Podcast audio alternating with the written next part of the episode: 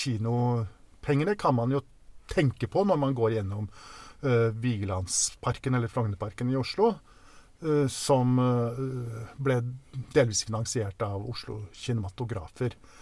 Det siste store kulturprosjektet i Oslo var jo byggingen av, av Munch-museet, som Oslo kinematografer finansierte. I, og det ble vel åpna i 1963. Da hadde allerede fjernsynet kommet, og publikumsnedgangen hadde starta opp, slik at uh, den store lukrative økonomiske perioden for kinovirksomheten var på en måte på hell. Men uh, Munchmuseet er interessant nok altså finansiert av, av kinopenger. Det sa eh, Ove Solum. Han er professor ved Institutt for mediekommunikasjon på Universitetet i Oslo. Og mitt navn er Arne Krumsvik.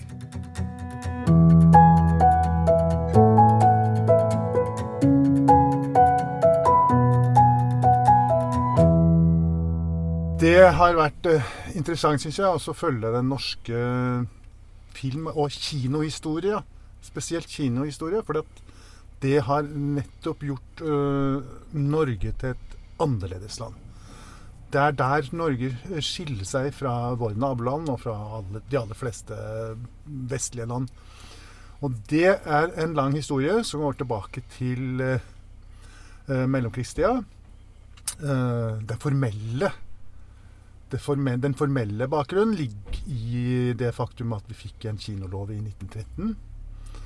Den uh, viktigste diskusjonen rundt kinoloven var innføringen av sensur. Men for ettertiden så er faktisk det faktum at uh, det ble gitt, eller innført, en kommunal uh, konsesjonsordning viktigere. Det betyr altså at eh, for å drive kino i Norge etter 1913, så måtte du ha eh, kommunal bevilling, som det heter. Kommunal tillatelse. Og det var ikke så utrolig eh, radikalt. Og ingen av de private kinoeierne tenkte over at det kunne bety noe særlig. De hadde måttet ha polititillatelse tidligere, og nå måtte de ha en tillatelse fra kommunale myndigheter. og det det mente de at det måtte da være en smal sak, og alle fikk kommunal bevilgning eh, til å begynne med. Så den ble, den ble gitt eh, til alle som drev med kino. Kino var utrolig populært. Og kinounderholdningen hadde vokst formidabelt på veldig kort tid. Det som eh, ble interessant, var at enkelte kommuner, etter at den første konsesjonsperioden var over, den var over i 1915 da begynte kommunene å vurdere å gi konsesjon til seg selv. Tromsø f.eks. bestemte seg for å ta over konsesjonen, og det vil si at de tok over også kinodrift. Og, og skjøv den private eh, kinoeieren ut, ut i bakdøra, for å si det slik. Og det gjorde en, flere andre kommuner også. Og dette grep om seg. Så eh, etter noen år i 1918, da var den andre konsesjonsperioden over, da hadde faktisk alle de store uh, byene i Norge de hadde vedtatt at uh, kinodrift, det skulle de drive med selv. På bekostning av de private eierne, de private kinoselskapene. Og det var et ganske radikalt skifte på eierskapssiden. Og på, eh, med de eh, overtagelsene rundt 1918-1920, så endret skal vi si, eierstrukturen seg såpass radikalt at opp mot 90% av, av omsetningen gikk til nå nye kommunale kinobedrifter. Slik at, eh, og det gjorde Norge helt forskjellig fra Sverige, hvor svensk filmindustri var et stort både produksjonsselskap, men også et, et uh, selskap som hadde en stor kinokjede. Det samme hadde Nordisk uh, i Danmark. Et produksjonsselskap som hadde også en stor kinobedrift uh, eller kinokjede. Mens i Norge så fikk du altså ikke en slik utvikling. Du fikk kommunale, offentlige, lokale kinomonopol, rett og slett. Og var grunnen til dette? her? Vil de beskytte publikum, eller var det andre motiv? Ja, det var et litt forskjellig motiv. Det er klart at denne kinoloven, at et uttrykksmiddel trengte en lov, var, sier jo nå i seg selv Altså, film var eh, utrolig populært. Og når nye medier blir utrolig populære, så blir det også eh, forbundet med, med, med ja, det som ofte kalles mediepanikk. Eller det blir altså reaksjoner mot, mot dette nye. Det- Bekymring? Bekymring. Bekymring. Veldig, uh, veldig Dette her var spesielt da bekymring på barn og unges uh, vegne. Og man kan følge diskusjoner i, i, i aviser og tidsskrifter som forteller om hvor skadelig dette, dette nye mediet øh, var. Eh, det ble oppretta lokale sensurkomiteer rundt omkring i landet som skulle sørge for at i hvert fall hos oss så skal, ikke, skal vi sørge for kontroll og, og passe på. Og det bidro jo til at man heller så, eller man så fordelen av å lage en eh, nasjonal sensurordning. Men så kom altså dette kommunale konsesjonsbestemmelsen i tillegg. Og den var også, var også knytta en bekymring. Man mente også at, at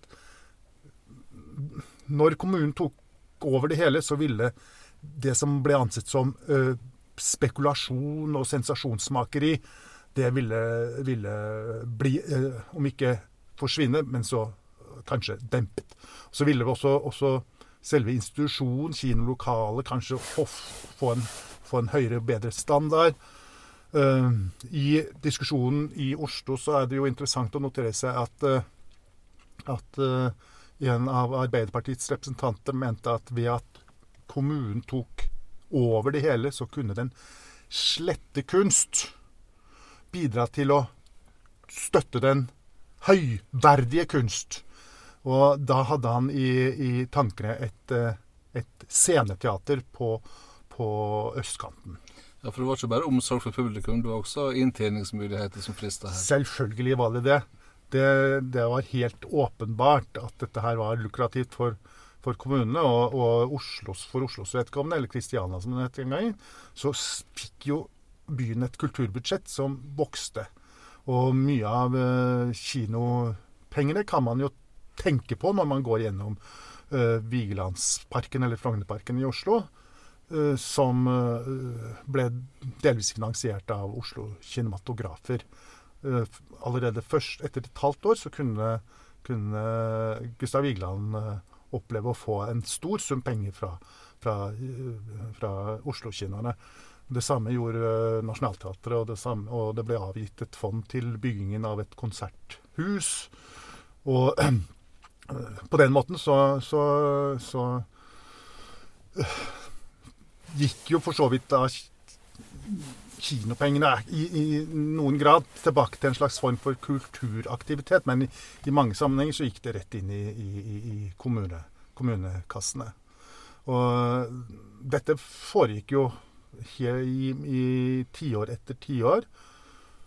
Det største, siste største store kulturprosjektet i Oslo var jo byggingen av, av Munch-museet, som eh, Oslo kinematografer eh, finansierte. eh, i, og det ble vel åpna i 1963.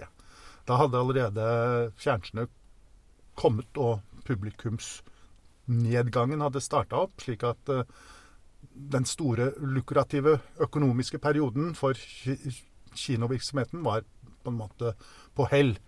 Men Munch-museet er interessant nok altså finansiert av, av kinopenger. Og det ble jo et problem. Den norske filmbransjen var svak. Det er, også en forklaring.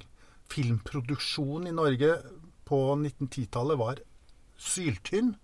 Ikke slik som i Sverige, hvor de bygde opp en stor nasjonal filmproduksjon.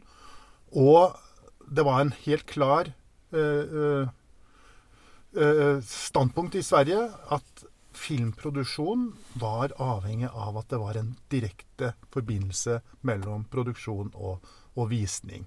Det vil si at produsentene i Sverige de eide, hadde kinokjeder. Og de kunne tjene penger på Charlie Chaplin og Douglas Fairbanks og alle, alle populære filmer. Dette skjedde altså ikke i Norge. Og det har å gjøre med at du hadde rett og slett ikke et, et, et produksjonsmiljø som, som, kunne bruke det som et argument. Det var svakt, det var dårlig, og det var då, lite ansett, det som fantes. Men det, det, var en viss produksjon i Norge. Det ble laget en par filmer i året, to-tre kanskje. Og regissørene utover på 1920-tallet, de skapte filmer som nådde et større og større publikum, men de hadde et problem med å se at uh, dette som heter den vertikale filmøkonomien, den uh, som da hadde et, et, et, et direkte bånd mellom, mellom, visning og produksjon, den, den, hadde blitt brutt i Norge. Uh, det tok etter hvert de kommunale kinoene et slags ansvar for. De hadde i 19 17 laga en organisasjon som den gangen het Kommunale kinematografers landsforbund. To år etter så laga de et eh, distribusjonsselskap, altså et importselskap, distribusjonsselskap, som het Kommunenes filmsentral, som skulle sikre filmer til de kommunale kinoene. Og etter hvert så skjønte de at det å skulle legitimere en sånn kommunal annerledes ordning krevde at de måtte ta et visst ansvar for produksjon. Og i 1932 eh, så vedtok Kommunale kinematografers landsforbund å starte et eget produksjonsselskap som het eh, Norsk Film AS. Et aksjeselskap hvor kommunene hadde, var aksjonærer. Oslo kommune var den største. Og dermed så hadde du altså en veldig rar eh, norsk kommunal modell som, eh, hvor kommunene var i, eh, involvert i alle ledd i dette produksjons- og visningssystemet. Altså filmproduksjon, distribusjon og, og, og, og visning. La dette føringer for hva type filmer som ble produsert? Det Ja.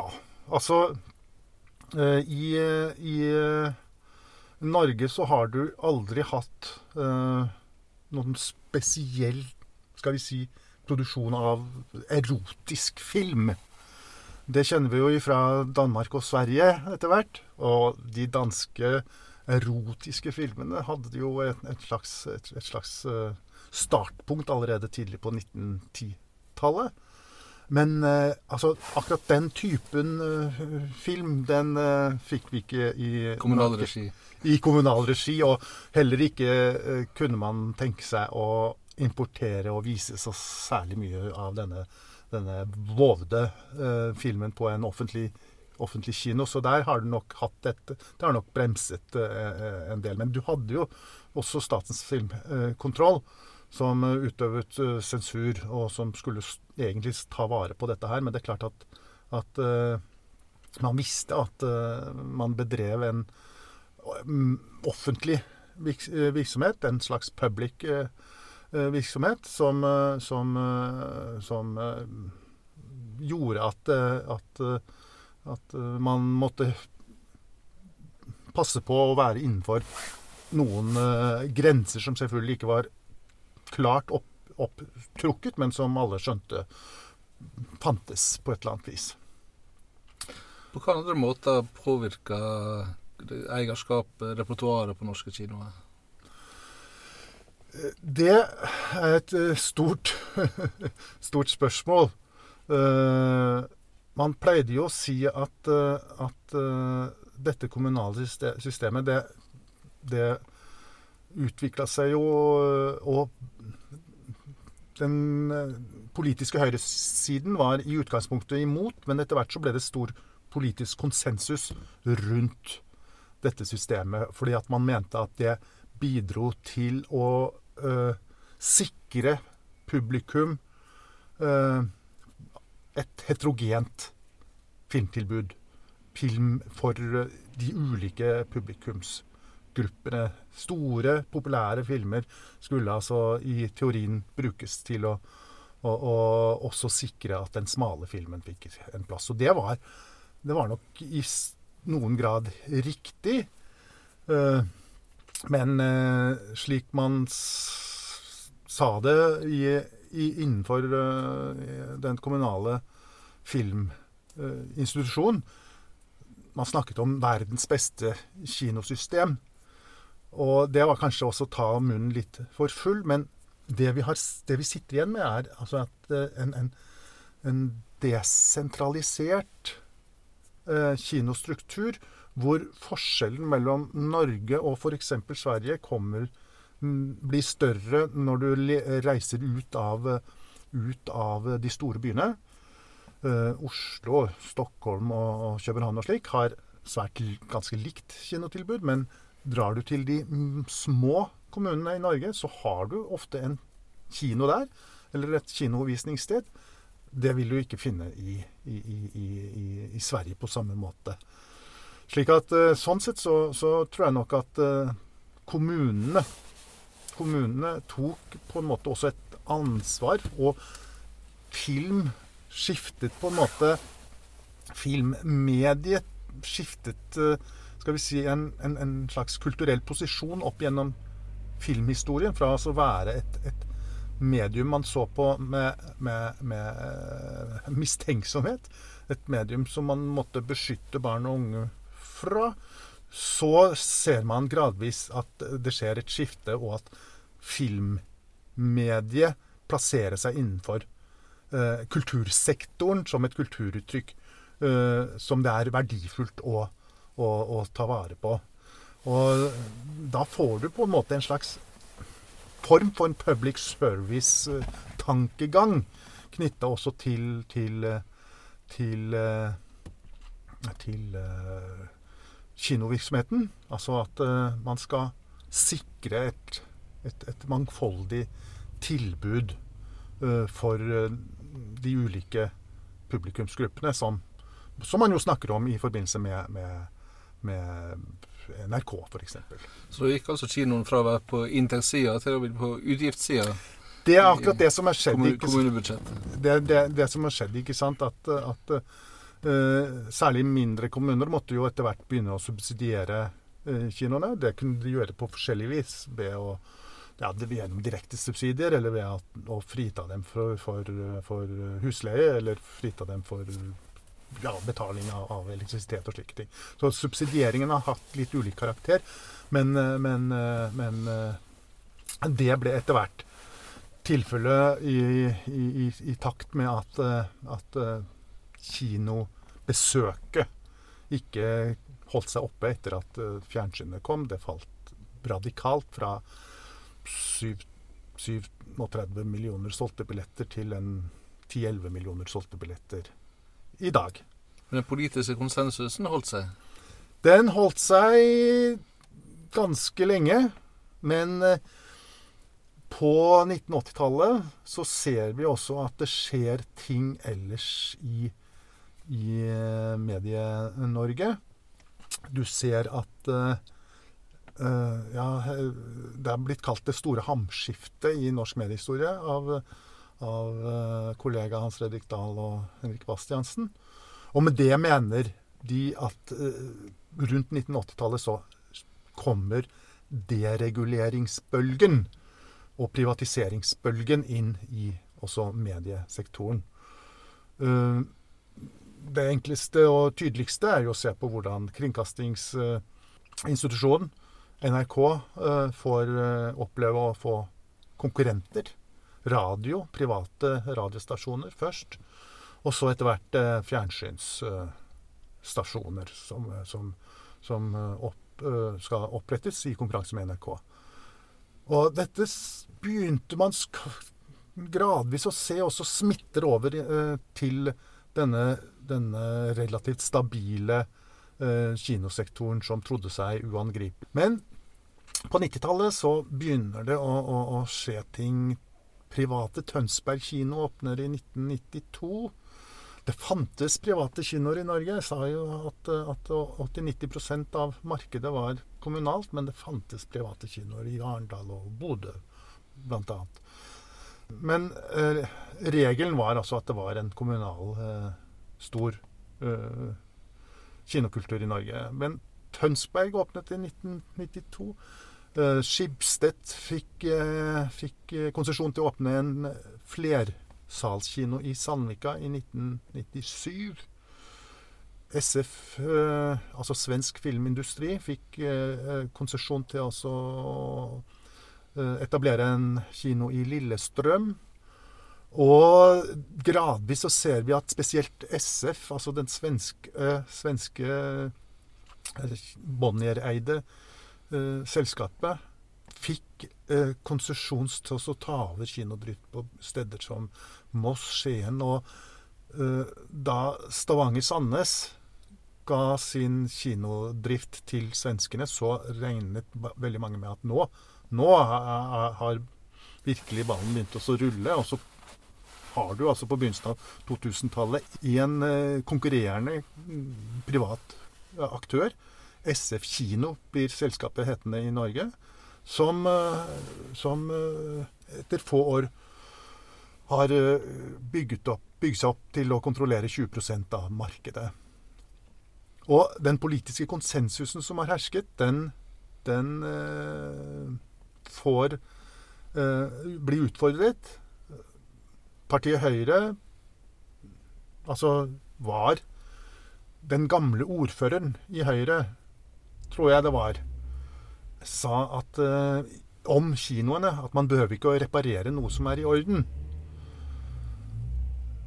Og det standpunktet det endres gradvis utover 1990-tallet. Og, og, deregulering, privatisering, det hadde blitt et nytt, skal vi kalle det, plussord og hvorfor i all verden skal eh, kommunen være involvert med noe slikt som kinovirksomhet, begynte man også spørre seg. Og det borgerlige byrådet i Oslo det signaliserte allerede i 2001 at nå, nå er Oslo Kinematografer til salgs. Det var et venstre kulturbyråd som frontet uh, den gangen uh, dette forsøket på å selge Oslo kinematografer. Det lyktes ikke, og mange pustet lettet ut, kanskje. I hvert fall i ti år til. Eh, på ny, i 2013, så var det igjen et venstre kulturbyråd som sa at nå er Oslo kinematografer for salg. Og denne gangen lyktes de. Da solgte Oslo, Oslo kommune solgte Oslo Kinematografer til det danske selskapet Nordisk.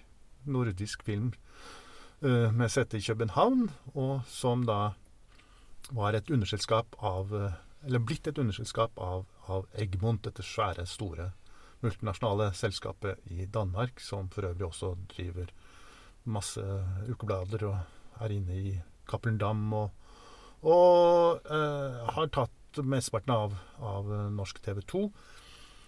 Så eh, nordisk film har da fått uh, tatt over absolutt alt av Oslo Kinematografer.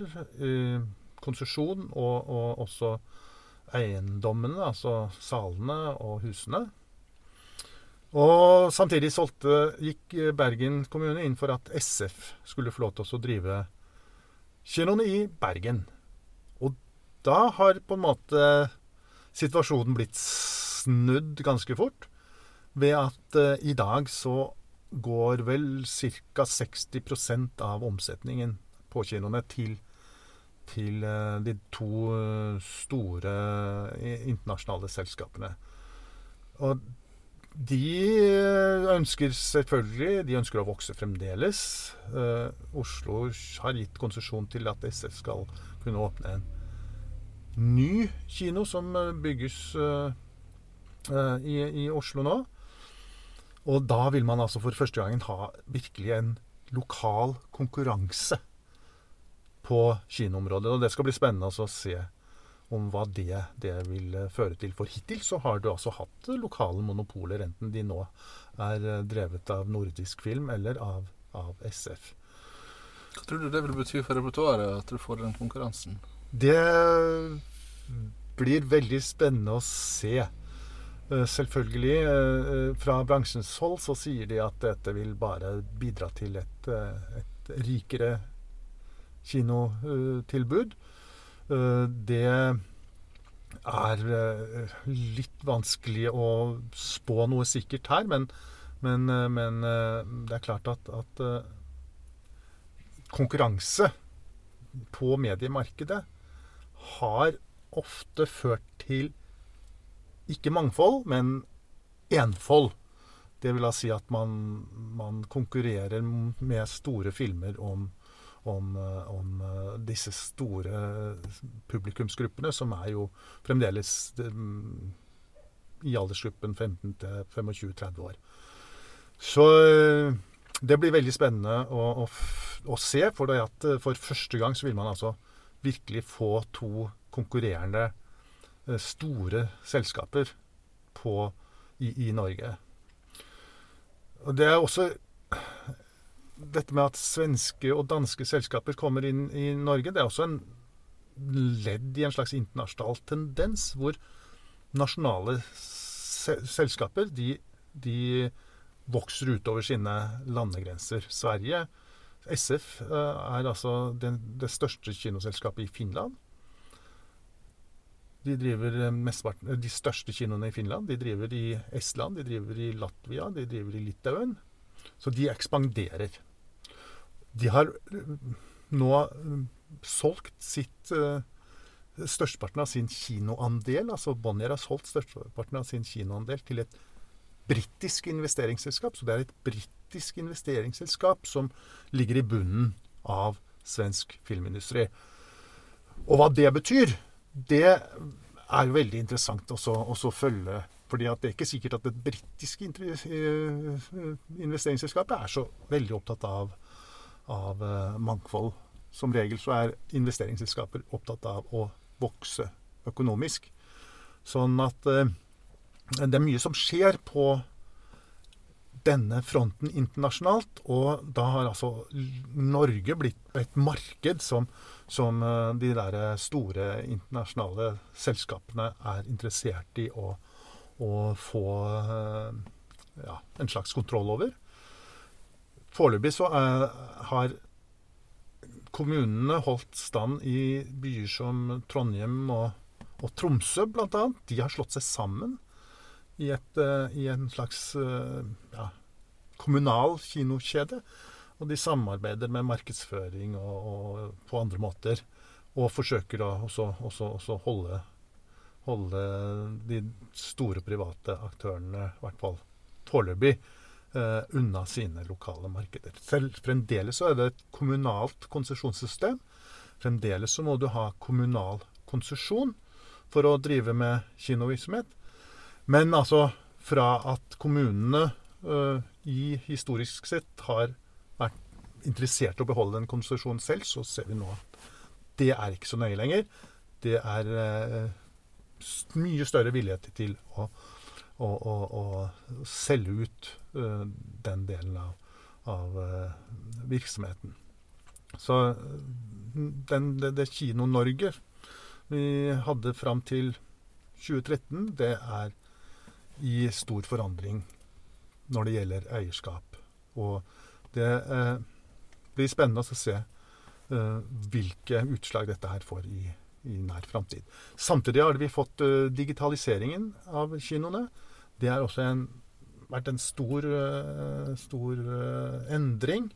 Der var for så vidt det kommunale engasjementet viktig i kraft av at uh, den kommunale kinoorganisasjonen gikk inn og finansierte en tredjedel av, av, av uh, kostnadene ved digitaliseringen. Slik at Norges, Norge sto helt i, i, spissen når det gjaldt å digitalisere alle kino, kinoene. Og det var noe av det denne kommunale organisasjonen uh, la vekt på. At også de minste kinoene de skulle jammen meg få en uh, digital uh, digitale, digitalt visningsutstyr like fort og på samme måte som de største. Og det har bidratt til at, at at eh, den eh, lokale, de små kinoene, de har økt eh, sitt besøk, og det har skyldes i stor grad digitaliseringen. Ved at eh, nå får de altså se filmer eh, samtidig som de store filmene omtales i, i f.eks. riksmediene, samtidig som man kan lese om, eh, om, om filmanmeldelser i, i, i, riksavisene, så kan de gå på kino og se disse filmene eh, like eh, Samtidig som man kan gjøre det i de største, største byene. Tidligere så sirkulerte filmene i et system, altså filmrullene, et begrenset antall analoge filmruller, sirkulerte i systemet hvor de gikk til, startet de, på de største, eh, største byene, og så sirkulerte de rundt eh, og kom altså til de mindre eh, kinoene først etter at kanskje et år hadde gått, eller kanskje enda lengre tid. Sånn at da føltes vel ikke dette som en, en, en ferskvare, som det, hetes, som det heter.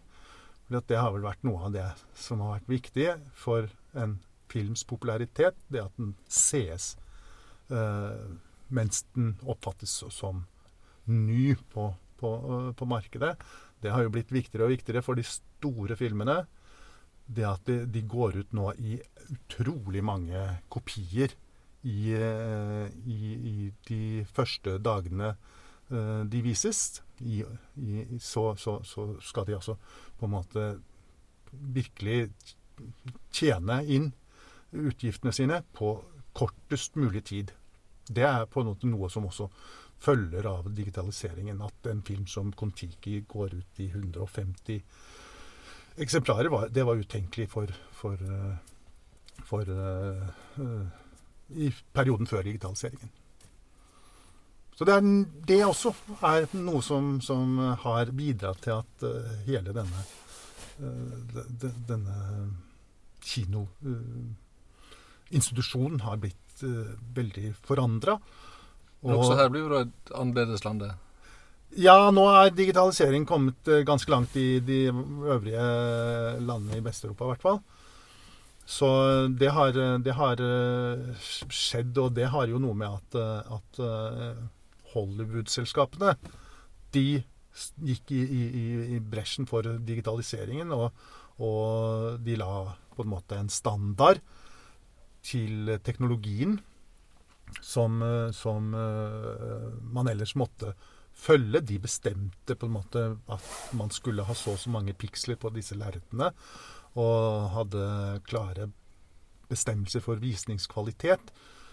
Og, og det har jo bidratt til at, eh, at eh, land etter land etter land har innrettet seg etter, etter de standardene som er blitt satt i, av, av eh, Hollywood-industrien, rett og slett. Det gjorde man også i, i, i, i Norge. Man gjorde en tidlig forhandling med de største Hollywood-selskapene. Fikk klarsignal derifra om at da kan dere bare starte hvis den og den standarden følges. Og det gjorde man, og dermed, ble dermed ledende internasjonalt eh, når det gjaldt denne, denne digitaliseringen. Og det er interessant også å se på rapporter fra disse små kinoene, som mm, i løpet av et år fikk doblet kinobesøket. Det er ikke snakk om mange tusen besøkende, men de fikk altså doblet kinobesøket sitt på kort tid eh, etter at digitaliseringen ble gjennomført på, eh, på, på de stedene, ved at de kunne vise de store filmene. Og muligens så, så eh, har eh, de store filmene, altså Hollywood-filmene, de eh, de har nok eh, en større plass på de lokale eh, kino, kino de, de lokale kinorepertoarene enn hva de hadde hatt før. Det er kanskje en, en, en tydelig tendens også.